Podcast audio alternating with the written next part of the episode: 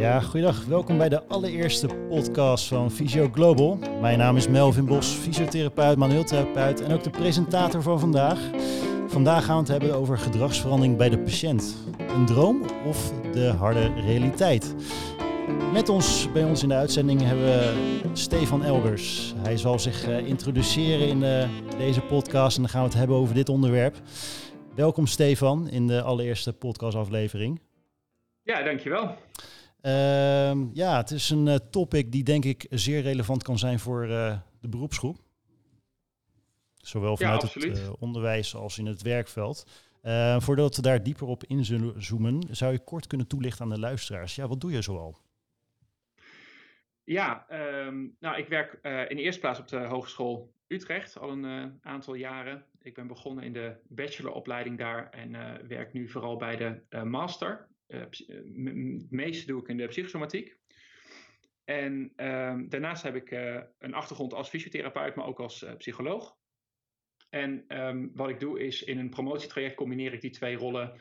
En hou ik me vooral heel erg bezig met gedragsverandering in de context van patiënten met chronische pijn die een revalidatietraject ondergaan. Dus wat we eigenlijk proberen in dat promotietraject is hoe kunnen we er nou voor zorgen dat als mensen um, zo'n zo uitgebreid pro programma doorlopen en daar uh, in, ja, belangrijke uh, lessen leren en uh, herstellen in hun fysiek functioneren. Hoe zorg je er dan voor dat ze dat ook op de langere termijn blijven volhouden? En leren omgaan bijvoorbeeld met dips of met terugvallen. En nou ja, dat, dat is het, het belangrijkste wat ik zo door de week doe.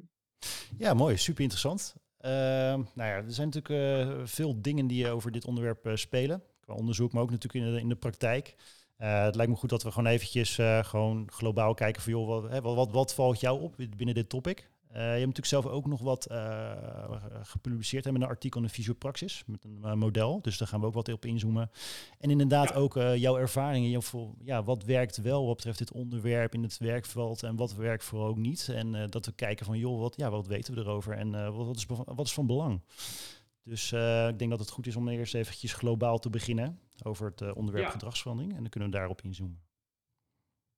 Klinkt goed. Dat is mooi. Vertel, wat, uh, wat, ja, wat, wat valt je op wat betreft de gedragsverandering? Ja, nou ja, kijk, uiteindelijk toen ik de, um, de bacheloropleiding fysiotherapie had afgerond, um, ja, kwam ik in het, in het werkveld terecht. En um, wat ik daar zelf eigenlijk, waar ik het meest tegenaan liep, uh, was uh, de enorme frustratie van het um, ja, dat, dat je vaak wel een soort van een richting zag in uh, welke kant je op moest gaan met je behandeling. Uh, maar dat je heel vaak zag dat mensen na een korte tijd weer terugkwamen. Of dat het niet lukte om die boodschap goed over te brengen. Of uh, ik legde het dan vaak bij de patiënt neer. als, als, om, om ook mijn eigen falen misschien een beetje te compenseren. Uh, en um, uh, en uh, van patiënten waren niet gemotiveerd. En ja, dat, dat haalde bij mezelf ook heel erg de motivatie van het vak weg. En dat, dat was natuurlijk ontzettend zonde. Want als je ziet hoe, hoe belangrijk fysiek functioneren is voor kwaliteit van leven. En, en ook de, de middelen die we hebben als fysiotherapeut om dat te beïnvloeden. Dan, dan hebben we echt goud in handen, denk ik. En dat, dat alleen, ja, het, het was ontzettend lastig, vond ik, om in de eerste lijn, in die beperkte contexten, die, in die paar behandelingen die je hebt om dan echt een impact te hebben op de, een langdurige impact op de kwaliteit van leven van die patiënten. En ja, achteraf zat dat volgens mij vaak in het uh, probleem van gedragsverandering. Oké, okay, duidelijk. Um, het was natuurlijk, uh, wat ik net al eerder aanhaalde, was er een artikel uh, in de Fysiopraxis, gedragslenzen, ja, theorie en toepassing. Ik hoor je niet meer. Even kijken wat er aan de hand is. Dat, uh, dat kan natuurlijk altijd plaatsvinden bij een uh, live opname bij een podcast. Ben ik wel te staan nog? Jazeker. Ah ja, ja, ik hoor je weer. Ja. Oh, top, top. Ja, dat, dat kan natuurlijk altijd gebeuren tijdens een podcast hè, met een verbinding. Um, ja, ja ga, ga verder. Even kijken, waar was ik? Ik uh, was bij um, um, de uh, beroepspraktijk Klopt, dat was natuurlijk uh, wat algemene zaken. Uh, dat was natuurlijk ook het artikel van de Fysiopraxis uh, van februari 2018. En ja, dat ging over de gedragslensentheorie en de toepassing ervan. nou, dat artikel heb je natuurlijk ook aan meegeholpen met ook een model wat betreft gedragsverandering. Zou je daar een ja. toelichting over kunnen geven? Ja, nou ja, daar heb ik nog één stap voor nodig. Ja. want dat is eigenlijk in, ehm, in de praktijk was ik toen best wel um, gedesillusioneerd en ben ik ook nou, uiteindelijk psychologie gaan studeren. Ook met, een, met het idee van ja, het, het, lukt me niet om dit te doen op de manier waarop ik het zou willen doen en ik ga iets anders doen. Ja. Maar tijdens die opleiding psychologie en zeker de master, ik heb toen een onderzoeksmaster gedaan die heel erg gaat over het, het, het zelfregulatie van gezondheidsgedrag. Ja. Daar kwamen weer zoveel uh, puzzelstukjes eigenlijk die ik, ehm, die ik zo hard nodig had tijdens mijn uh, vak als fysiotherapeut. Dat, ja, dat daar uh, ineens weer een ehm, nieuwe motivatie en energie was om wat meer te gaan doen met beweegzorg. En um, nou ja, dat kwam toen ook samen in de onderzoeksgroep waar ik binnen de hogeschool, waar ik toen een werk kreeg. En toen zijn we aan de slag gegaan met ook, ook met de vraag van hoe kunnen we nou eigenlijk het proces van gedragsverandering faciliteren binnen de, uh, binnen de eerste lijns beweegzorg. Um, binnen onze onderzoeksgroep wordt onderzoek gedaan naar patiënten die revalideren na een beroerte of naar kinderen die uh, lichamelijke beperkingen hebben en op allerlei manieren um, ja, tegen barrières aanlopen met, het, met hun fysieke activiteit. En um, ja, we merkten allemaal wel dat we vanuit de fysiologie echt wel ingangen hadden om mensen op te trainen, maar dat ze dan uiteindelijk niet het, het vol leken te houden. Net als bij die patiënten met, uh, met chronische pijn, waar je ook ziet dat veel mensen na verloop van tijd weer terugvallen in oude patronen. Dus het factor en daar zijn tijd. we eigenlijk mee aan de slag gegaan. Ja, dus de factor tijd is echt wel een uh, belangrijk element. Absoluut, ja. En, en vooral ook het, um, um, het, de tijd van um, de tijd voorafgaand aan een aandoening bijvoorbeeld, waarin je bepaalde uh, gewoontes en automatismen hebt aangeleerd. En die, ja. die veranderen niet zomaar. Ja, dus iets, iets, iets afleren is gewoon ontzettend, uh, ja, dat is heel lastig. Hey, eh, in gesprekken met uh, psychologen over dit onderwerp, uh, een tijdje terug zei ook iemand van, nou eigenlijk zou je kunnen zeggen dat gedragsverandering op zich niet bestaat. Ja. Omdat je niet iets per se uh, afleert. Wat je eigenlijk doet is je, je creëert nieuwe verbindingen, nieuwe associaties. Je prioriteert doelen op een andere manier. En dat betekent dat je misschien op dat moment ander gedrag gaat vertonen.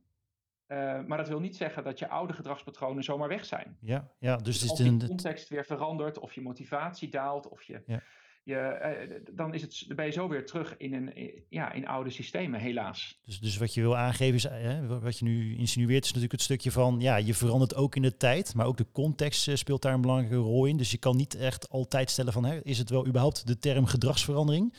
In zin van, ja, er is altijd een ontwikkeling gaande. Ja, precies. En, en, en uh, uh, manieren en, en en zaken die je vooraf hebt aangeleerd, die zijn niet zomaar weg. Die blijven bestaan. Als jij ooit gerookt hebt, um, en um, dat is misschien een, voor veel mensen herkenbaar, dan, dan kan je op een gegeven moment wel gestopt zijn. Maar dat wil niet zeggen dat alle associaties die je had met roken zomaar verdwenen zijn. En de impulsen om een sigaret te nemen, die zul je op bepaalde momenten nog steeds actief moeten reguleren, ook al ben je al heel lang gestopt. Is het dan ook de neiging tot bijvoorbeeld, hè, de, dus de, bijvoorbeeld bij de rokers natuurlijk, hè, die, uh, die fijne associatie erbij, hè, dat gevoel erbij, uh, dat dan de drang uh, toe gaat nemen om dat weer op te zoeken?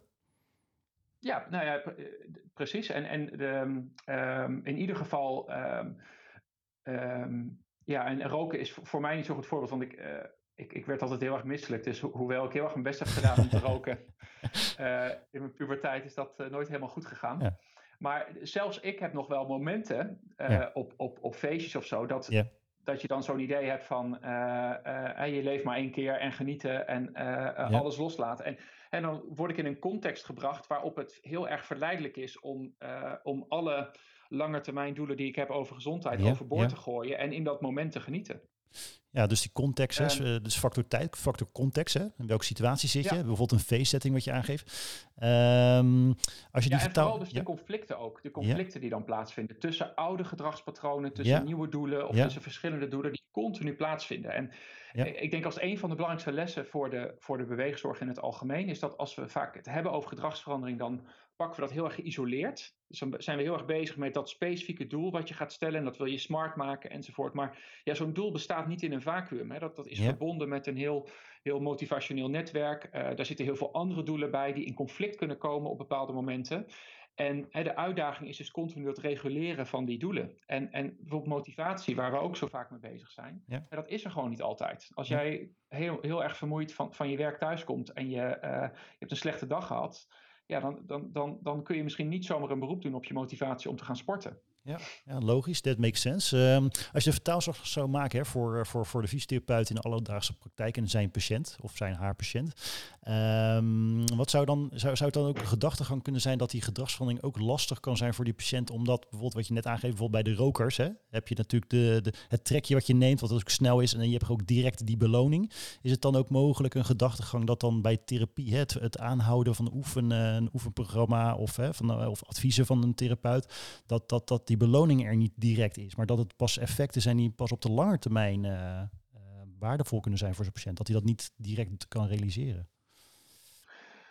Nou, je zegt nu zeker iets heel belangrijks. Hè? Dat is, dat, is ehm, ehm, eh, dat ehm, ook de, de evaluatie van, van in hoeverre kom je dichter bij dat gewenste eindresultaat. Ja, dat is ontzettend eh, behulpzaam voor motivatie bijvoorbeeld. Dus op het moment dat jij op een gegeven moment vertrouwen gaat krijgen in, in een richting van een betekenisvolle volle eindsituatie, iets waar je echt graag naartoe wil werken, ehm, ja, dat kan heel erg motiverend zijn. Dus als je iemand eh, naar 10.000 stappen per dag eh, wil trainen en iemand gaat van, eh, van 3000 naar eh, eh, 3100, eh, dan, dan zal die niet zo snel een heel erg eh, succesmoment ervaren op het moment dat je dat dan evalueert in de context van die 10.000 stappen. ja, ja. Dus, het, het, eh, dus een, ehm, het kiezen van een doel, dat eh, zou ik ook nooit alleen maar doen op basis van, van fysiologische principes of dingen als, als eh, normen van gezond bewegen. Maar ook dat het doel op zich eh, heel erg motiverend of demotiverend kan werken, afhankelijk van de weg ernaartoe. Interessant. en daar kun je veel meer rekening mee houden en mee spelen. Ehm, ja, net het begin hadden we het kort eventjes over die fysiopraxis. Februari 2018 eh ging over de gedragslenzen theorie en toepassing. Daar staat ook een model bij, hè, die ook ontwikkeld is, het, eh, het, het padmodel. Eh, Zou je daar nog iets voor mee willen geven tijdens deze podcast? Ja, nou ja, kijk, dat model, ehm, ehm, wat er achter dat padmodel zit, dat, dat is het Persuasive by Design model. En dat, Ja. is een, eh, dat is ontwikkeld door twee gedragsdeskundigen die verder helemaal niks te maken hebben met, eh, met beweegzorg. Eh, maar die, die hebben zich vooral bezig gehouden met ehm, eh, hun frustratie zat hem in dat reclamecampagnes vaak niet effectief gekoppeld waren aan eh, gedragsveranderingstheorie. Dus mensen vonden dan bijvoorbeeld zo'n sierencampagne wel heel erg. Ja. En hadden zoiets van, ik wil hier iets aan doen. Maar dan, dan werd dat vaak nooit vertaald naar concrete strategieën om dan ja, Ah. daadwerkelijk ook iets te veranderen. Dus om ontwerpers die eigenlijk geen verstand hebben, dus mensen die reclamecampagnes ontwer- ontwerpen, Ja. Eh, wat meer te, te helpen aan gedragsveranderingstheorie, hebben ze toen zo'n model ontwikkeld. Ja, ja. En die lenzen zijn toen heel erg bedoeld om mensen die dus ja, geen psychologie gestudeerd hebben, toch de basisprincipes van gedragsregulatie ehm, eh, ja, mee te geven, zodat ze dat kunnen toepassen in hun, eh, in hun beroepspraktijk. Ja. En nou, dat leek eigenlijk, toen we dat een keer tegenkwamen in een, ehm, in een gedeelde onderzoeksproject, ja, toen dachten we eigenlijk van, dit, is, dit zou zomaar eens eh, heel mooi kunnen zijn, ook voor de fysiotherapie. Interessant. Oké, Ja. ja. ja, dat is een artikel wat ik net zei, die staat in februari 2018 en dat eh, heet Gedragslenzen, Theorie en Toepassing. Dus die is eh, terug te vinden voor de luisteraars en dat gaat om figuur 2, het padmodel. Eh, het is een mooie schematische weergave, dus wil je meer weten als luisteraar, kun je dat gewoon terugzoeken. Wat natuurlijk ook een hele interessante is, is dat we een stelling online hebben gezet, Stefan. Dat was ook naar aanleiding van ja, wat je merkt hè, in opleidingen en cursussen. Ook het eh, de spanningsveld tussen de psycholoog en de fysiotherapeut. Van ja, eh, hoort gedragsverandering bij de fysiotherapeut als een stelling? Eh, we hebben daar respons op. zowel op Twitter is die geplaatst, op LinkedIn en Facebook. Op LinkedIn bijvoorbeeld, om even een quick scan te doen, kwamen er toch dat 97% hiermee oneens is. Oneens is. In de zin van, hè, het hoort niet eh, bij de psycholoog, dan wel misschien ja, dat ook de fysiotherapeut een rol daarin zou kunnen betekenen. Wat, eh, wat zijn jouw ervaringen vanuit ja, de mensen die je kent vanuit het werkveld over hè, de spanningsveld tussen psycholoog en fysiotherapeut wat betreft gedragsverandering? Nou, ik ben in ieder geval heel blij met, eh, met het resultaat. Ehm, hè, dat, ik ga er dus vanuit dat, dat veel mensen eh, ook een rol weggelegd zien voor gedragsverandering in de, echt als, als centraal onderdeel van, eh, van fysiotherapie of van beweegzorg. Ja. Daar, ja, daar ben ik het natuurlijk ontzettend mee eens. Ehm, het interessante is wel, en misschien heb je gewoon een, een hele interessante selecte groep luisteraars, maar dit is wel de meest gehoorde ja, um, discussiepunt tijdens uh, cursussen over gedragsverandering. En niet, niet alleen uh, binnen onze opleiding uh, en um, nou ja, binnen onze onderzoeksgroep, maar dat, dat hoor je echt door collega's, verschillende collega's. Dat heel vaak zodra je dit soort theorie wat verder gaat verkennen, ja. dat mensen al snel um, neigen naar um, ja, dat het toch, toch te veel psychologie is en te weinig fysiotherapie. Ja, ja, ja. En en ik denk, de, een van de redenen waar dat mee te maken heeft, en dat is denk ik ook meteen een, een belangrijk uh, aandachtspunt voor hoe je gedragsverandering vormgeeft als fysiotherapeut in je praktijk, is dat mensen gedragsverandering vaak associëren als iets wat in een gesprek moet plaatsvinden. Ja. dus dat het echt gaat om communicatie. Op het moment dat je twijfelt van, goh, misschien dat die patiënt het niet gaat volhouden, of dat je twijfels hebt over of iemand oefeningen al wel consequent doet, is dat het dan heel snel een soort gesprek gaat worden, waarin je een patiënt gaat wijzen op, nou ja, op motivatie, of je gaat, uh, je, gaat in ieder geval proberen om dat invloed uit te oefenen, maar heel vaak in de context van een gesprek. En dat is nou juist iets, denk ik, waar we ja, niet per se um, expert in zijn. Dus voor mij dit gedragsverandering veel meer in um, um, welke prikkelparameters selecteer je in de oefenzaal. Of hoe zorg je ervoor dat je een transfer maakt, hè, dat je niet blijft in een, in een revalidatiesetting in die context, maar dat je mensen echt probeert om, de, om het fysiek functioneren uh, te vertalen naar hele concrete dagelijkse praktijksituaties. Ja, helder. Dus eigenlijk kritisch gezien, of de take-home message voor de luisteraars ook van joh, uh, de, de, gedachtegang dat het in een gesprekssetting zet, is, gaat eigenlijk niet op. Het is veel breder dan dat. Het kan in allerlei vormen zijn tijdens de, het gehele behandelplan samen met je patiënt. Oké, duidelijk. Uh, nou ja, wat natuurlijk ook een volgende punt is, is wat betreft de eerste lijnzorg voor fysiotherapeuten. Uh, zoals bekend, uh, ook bij jou Stefan, hè, dat is natuurlijk een stuk waar, waar je toch wat te maken hebt met het aantal behandelingen dat je een patiënt kan zien. Hè, wat meestal ook wat korter kan zijn, bijvoorbeeld vijf behandelingen of acht of negen. Um, wat zijn nu belangrijke stukken wat betreft gedragsverandering, wat je toch kan implementeren in ja, de trajecten die soms ook wat korter zijn, dat je een patiënt kan zien als therapeut? Ja, ja, en, dat, en dat, is, dat is denk ik ook echt een, de, de, cruciale vraag. Uh, waar ik ook zeker niet zomaar één antwoord op heb, helaas. Dat is wel iets waar we veel mee bezig zijn op dit moment. Ook met onze onderzoeksgroep. Sinds dat artikel en, en dat we het idee hebben van... goh, we zouden wat meer ehm, kunnen doen aan nou ja, het verbeteren van het klinisch redeneren... of het nadenken over ehm, hoe kun je nou gedragsverandering integreren in... Um, uh, in de oefenzaal. Ja. Ja, zijn we daar toch met, de, vooral op dit moment nog met, uh, met masterstudentenprojecten mee bezig geweest om te kijken of we daar wat, wat stappen in kunnen zetten en ook wat handvatten kunnen geven voor, voor het werkveld. En vooralsnog um, is het denk ik, um, nou ja, een van de belangrijkste dingen is denk ik dat je in ieder geval bij jezelf kritisch nagaat van wat voor wat doe ik nou zelf in, in, uh, aan technieken om, uh, om een patiënt uh, echt blijvend te helpen met de hulpvraag. Dus niet alleen het, het, het, het, het, hands-on of het in de oefenzaal werken, maar de, je hebt vaak veel te weinig behandelingen om überhaupt te voldoen aan, um, aan echt structurele fysiologische veranderingen of echt het, het vergroten van het werkend functioneren. Een patiënt zit toch het grootste deel thuis of in zijn eigen context waarin hij iets zal moeten doen. En in hoeverre ben je in de praktijk met die patiënten bezig met die verandering? En uh, ja, je kan, uh, wat we ook eh, wel eens studenten of cursussen laten doen, is het ja. opschrijven van, um, um, van hun eigen technieken die ze veel gebruiken. En dan zie je vaak dat er nog heel veel um, ja, meer variatie mogelijk is. Hè, Een heel concreet voorbeeld, een, uh, het stellen van doelen. Hè, dat, uh, iedereen doet dat, dat is, ja, uh, dat is een belangrijk onderdeel. Daar zijn al vanuit de theorie sowieso tien verschillende technieken voor om die doelen um, ja, op de manier waarop je zo'n doel formuleert. En um, het, twee gymdocenten, nou ja, tig jaar geleden in de, in de VS hebben bijvoorbeeld een, een verandering teweeggebracht bij um, het stellen van doelen met gym. Uh, en het verschil was zeg maar dat ze eerst een soort Cooper-test hadden. En, um, en dan um, uh, moest je een x aantal meters lopen. Nou ja, ik, uh, ik moest, als ik zelf terugkijk naar mijn, naar mijn gymprestaties, dan was het voor mij altijd het grote doel om niet achteraan te eindigen. En was het vaak heel erg demotiverend om zo'n zo'n soort vast einddoel te hebben waar, waar ik vaak totaal niet mee in de buurt zou komen. En ze hebben dat toen omgedraaid naar het doel om een bepaalde hartslag vast te houden. En toen werd ineens het doel voor iedereen, hè, je werd niet meer afgerekend op je, op je eindresultaat, maar op je intentie. En voor uh, uh, kinderen die wat meer motorisch uitgedaagd waren, zoals ik, was dat meteen een um, enorme verandering in, ehm, ja, in de beleving van, die, van zo'n sportsituatie. en het, het is een hele kleine verandering in, in zoiets simpels als het stellen van een doel. Maar in deze context werkte het dus om een doel niet zozeer op, uh, op, op uitkomsten in aantal meters te zetten, maar veel meer te koppelen aan de intentie van doe maar je best. Zorg dat je ervoor dat je die prikkelparameter haalt en dat kan iedereen halen.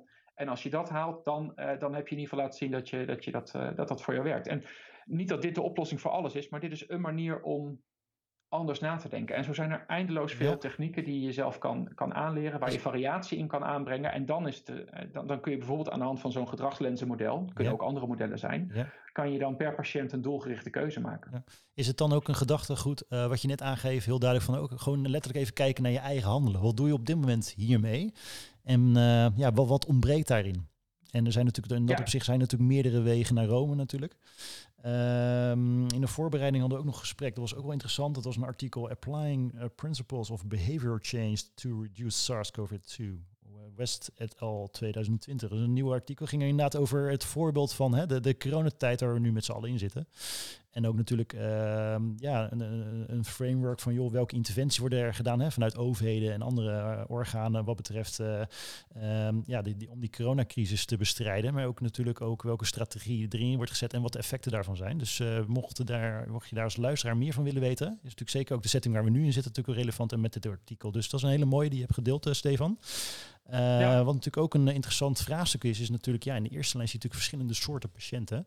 Uh, je hebt natuurlijk de, de, de, de, de chronische groep, hè, de chronische pijnpatiënt, uh, die je natuurlijk ook vaak in een langer traject ziet dan wel de, de acute groep of de subacute groep.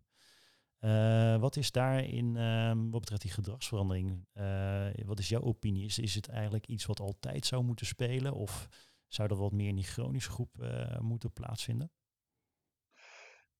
Ja, ik, Um, ik denk dat het sowieso altijd een onderdeel moet uitmaken van je overwegingen. Ja, ja. En um, kijk, wat, er, wat natuurlijk een, ideale situatie is, is op het moment dat um,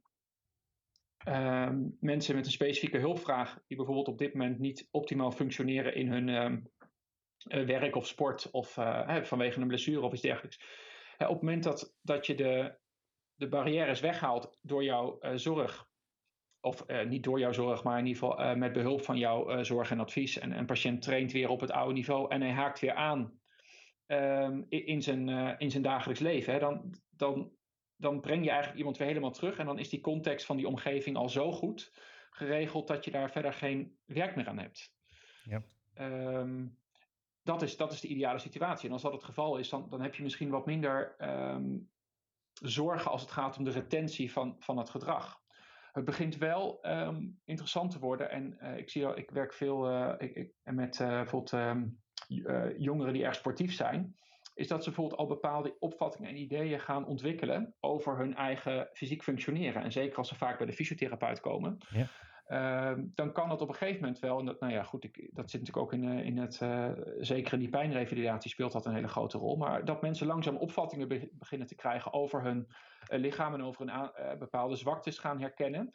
En ik denk dat er een hele belangrijke rol is voor zorgverleners om te zorgen dat je mensen niet te veel bekrachtigt in die gedachten. Want dan, dan zijn er wel allemaal um, processen bekend die op de langere termijn dan weer zorgen dat mensen um, uh, ja, misschien vaker terug gaan komen en, en uh, zich meer zorgen gaan maken. En uiteindelijk ook in die context die ze hebben gaan veranderen. En misschien uh, iets minder sporten omdat dat ge gevaarlijk is. of omdat ze dat langzaam zien als, als niet meer haalbaar. En daar moet je, voor dat soort dingen moet je denk ik heel erg waken. Ja, ja. dat is echt iets wat je, wat je denk ik helemaal verkeerd kan doen als, als fysiotherapeut bij acute of subacute klachten. Ja. Zijn er nog meer valkuilen waar we voor moeten waken? Um, nou, ook het, het, het uh, absoluut het overschatten van de rol van motivatie. Ja. gedragsverandering is echt veel meer dan motivatie. En ehm, wat je eigenlijk wil, zou ik zeggen, als je echt gedrag wil veranderen, is dat je zo snel mogelijk, of dat je in ieder geval zorgt dat je niet te lang in een positie bent dat je afhankelijk bent van motivatie. Dus ehm, op het moment dat je. Um, motivatie is een hele mooie aanjager om iets nieuws te beginnen. Uh, nou ja, als ik zelf kijk naar uh, hoe lang ik nu alweer stil heb gezeten in die, in die coronatijd en weinig gesport heb.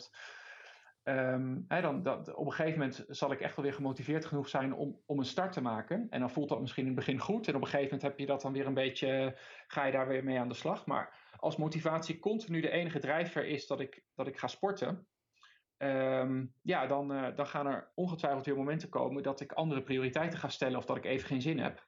En dan, dan daalt dat weer, dan daalt dat zonder twijfel. En dan krijg je zo'n zo'n yo-yo effect. En dan is het alleen maar als, je, als alle voorwaarden goed zijn, dan ga je starten. En um, ja, ik zou zeggen, hè, dus ook naar je patiënten toe, zorg ervoor dat je iets zo snel mogelijk integreert in iemands dagelijks leven, in iemands context. Er zijn hele leuke studies nu mee bezig, ook bijvoorbeeld om zoiets vreemds als het, het inrichten van ziekenhuizen. Hè, dan ga je het helemaal niet meer hebben over motivatie voor iemand om, uh, om na een um, operatie weer in beweging te komen. Maar op het moment dat je de uh, behandelruimte of de, de, de, kamers en, en, het ziekenhuis zo inricht dat iemand heel erg wordt uitgedaagd om te gaan bewegen. Uh, dan heb je alweer veel minder expliciete motivatie nodig om, om iemand uit bed te krijgen. Dus het, het kan in, in allerlei dingen zitten, maar zorg ervoor dat je niet te lang met die motivatie bezig bent. Dat is denk ik de belangrijkste Oké, nou ja, super interessant wat ik tot nu toe allemaal hoort, Stefan. Ik hoop ook voor alle luisteraars. Uh, we, we nu het, laatste deel van de podcast. Ik denk dat het wel goed is uh, voor dit item om even wat ja, dingen op een te zetten. Hè? Wat key points, uh, wat je graag mee zou willen geven voor, voor de luisteraars wat betreft gedragsverandering. Ja, nou ja, ik denk dat we inderdaad wel veel, um, veel al besproken hebben. Um, kijk, ik denk uiteindelijk dat als het gaat om de hoofdpunten, uh, is dat we um, steeds meer erachter komen dat, dat gedragsverandering, wil je dat echt succesvol doen, uh, zul je iets moeten veranderen ook in de omgeving. Dus zul je jezelf in een positie moeten brengen waarop het makkelijker wordt voor jou om dat gedrag uit te voeren. Um, daarmee los je ook sowieso een grote probleem op binnen de fysiotherapie. En dat is namelijk dat we de, het sociale deel van het biopsychosociale eigenlijk wat onderbelichten. Dus met gedragsverandering komt dat sociale deel ook veel meer uh, centraal te staan. Creëer, creëer een context. Um, en um, realiseer je ook dat er ontzettend veel technieken en strategieën beschikbaar zijn. Anders dan praten, die mensen kunnen helpen om gedrag meer te integreren en meer blijvend te integreren in hun dagelijks leven. En uh, nou ja, de, dat, die studie die je net noemde van, uh, van uh, West en Mickey is het volgens mij ja. uit 2020. Dat, dat is een, een, onderzoeksgroep uit Londen die de afgelopen jaren daar heel veel werk in heeft verzet. En zij hebben bijvoorbeeld een, een beroemde lijst gemaakt met 93 verschillende gedragsveranderingstechnieken. En dat is, je kan eindeloos combineren binnen, binnen die, die lijst van technieken. En ja, er is zoveel variatie mogelijk dat je echt voor elke patiënt en voor elke barrière of, of kans die je identificeert bij zo'n patiënt als het gaat om die, om die uh, uh, gedragsverandering, dat daar verschillende strategieën voor mogelijk zijn. Dan is het aan jou als, als zorgverlener om te zorgen dat je in staat bent en vaardig genoeg bent om die strategie op het juiste moment toe te passen. Oké, duidelijk. Ja, wat mij uh, bijgebleven is, Stefan, is een stukje inderdaad. Hè, gedragsverandering is niet alleen maar motivatie. Het zit niet in uh, enkel de gespreksvoering met je patiënt. Het is veel breder. Eigenlijk is het een, een aaneenschakeling in het gehele bandelproces, hè, wat altijd meespeelt op alle momenten. Uh, gedragsverandering is natuurlijk ook de factor tijd speelt een rol. het, het zou effect kunnen hebben op de korte termijn. En lange termijn wordt het steeds moeilijker. En ook de contexten hè, waar je als patiënt in zit. En ook de beliefs wat je net gaf. Hè. Wat zijn de gedachten? Wat is het gedachtegoed van de patiënt wat betreft de eigen fysieke gesteldheid? en ook wat er daar allemaal meespeelt, ook in het gedrag. Um, ja, ik wil in ieder geval hartstikke bedanken, Stefan, voor, uh, ja, voor, de, voor dit item dat je je bijdrage willen leveren.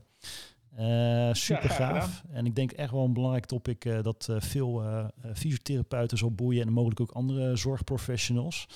Um, als mensen nog vragen hebben of um, ja, meer willen weten, zouden ze nog kunnen bereiken?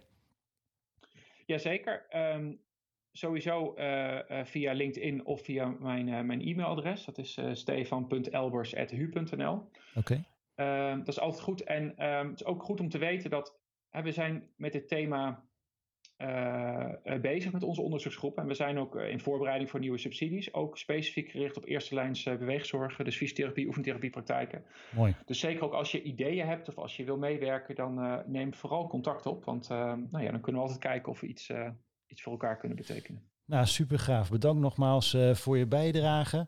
Ja, dat was uh, Stefan Elbers uh, van de Hogeschool Utrecht, lectoraat Leefstijl en Gezondheid. super mooi onderwerp wat betreft gedragsverandering. wil je meer weten over dit onderwerp, was het net het e-mailadres ook gegeven van Stefan. Dus mail hem gerust hierover.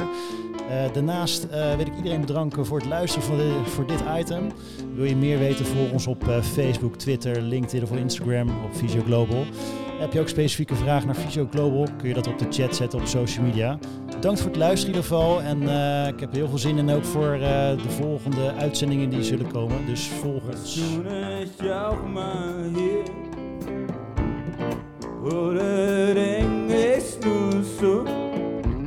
Was toen ik jou een paar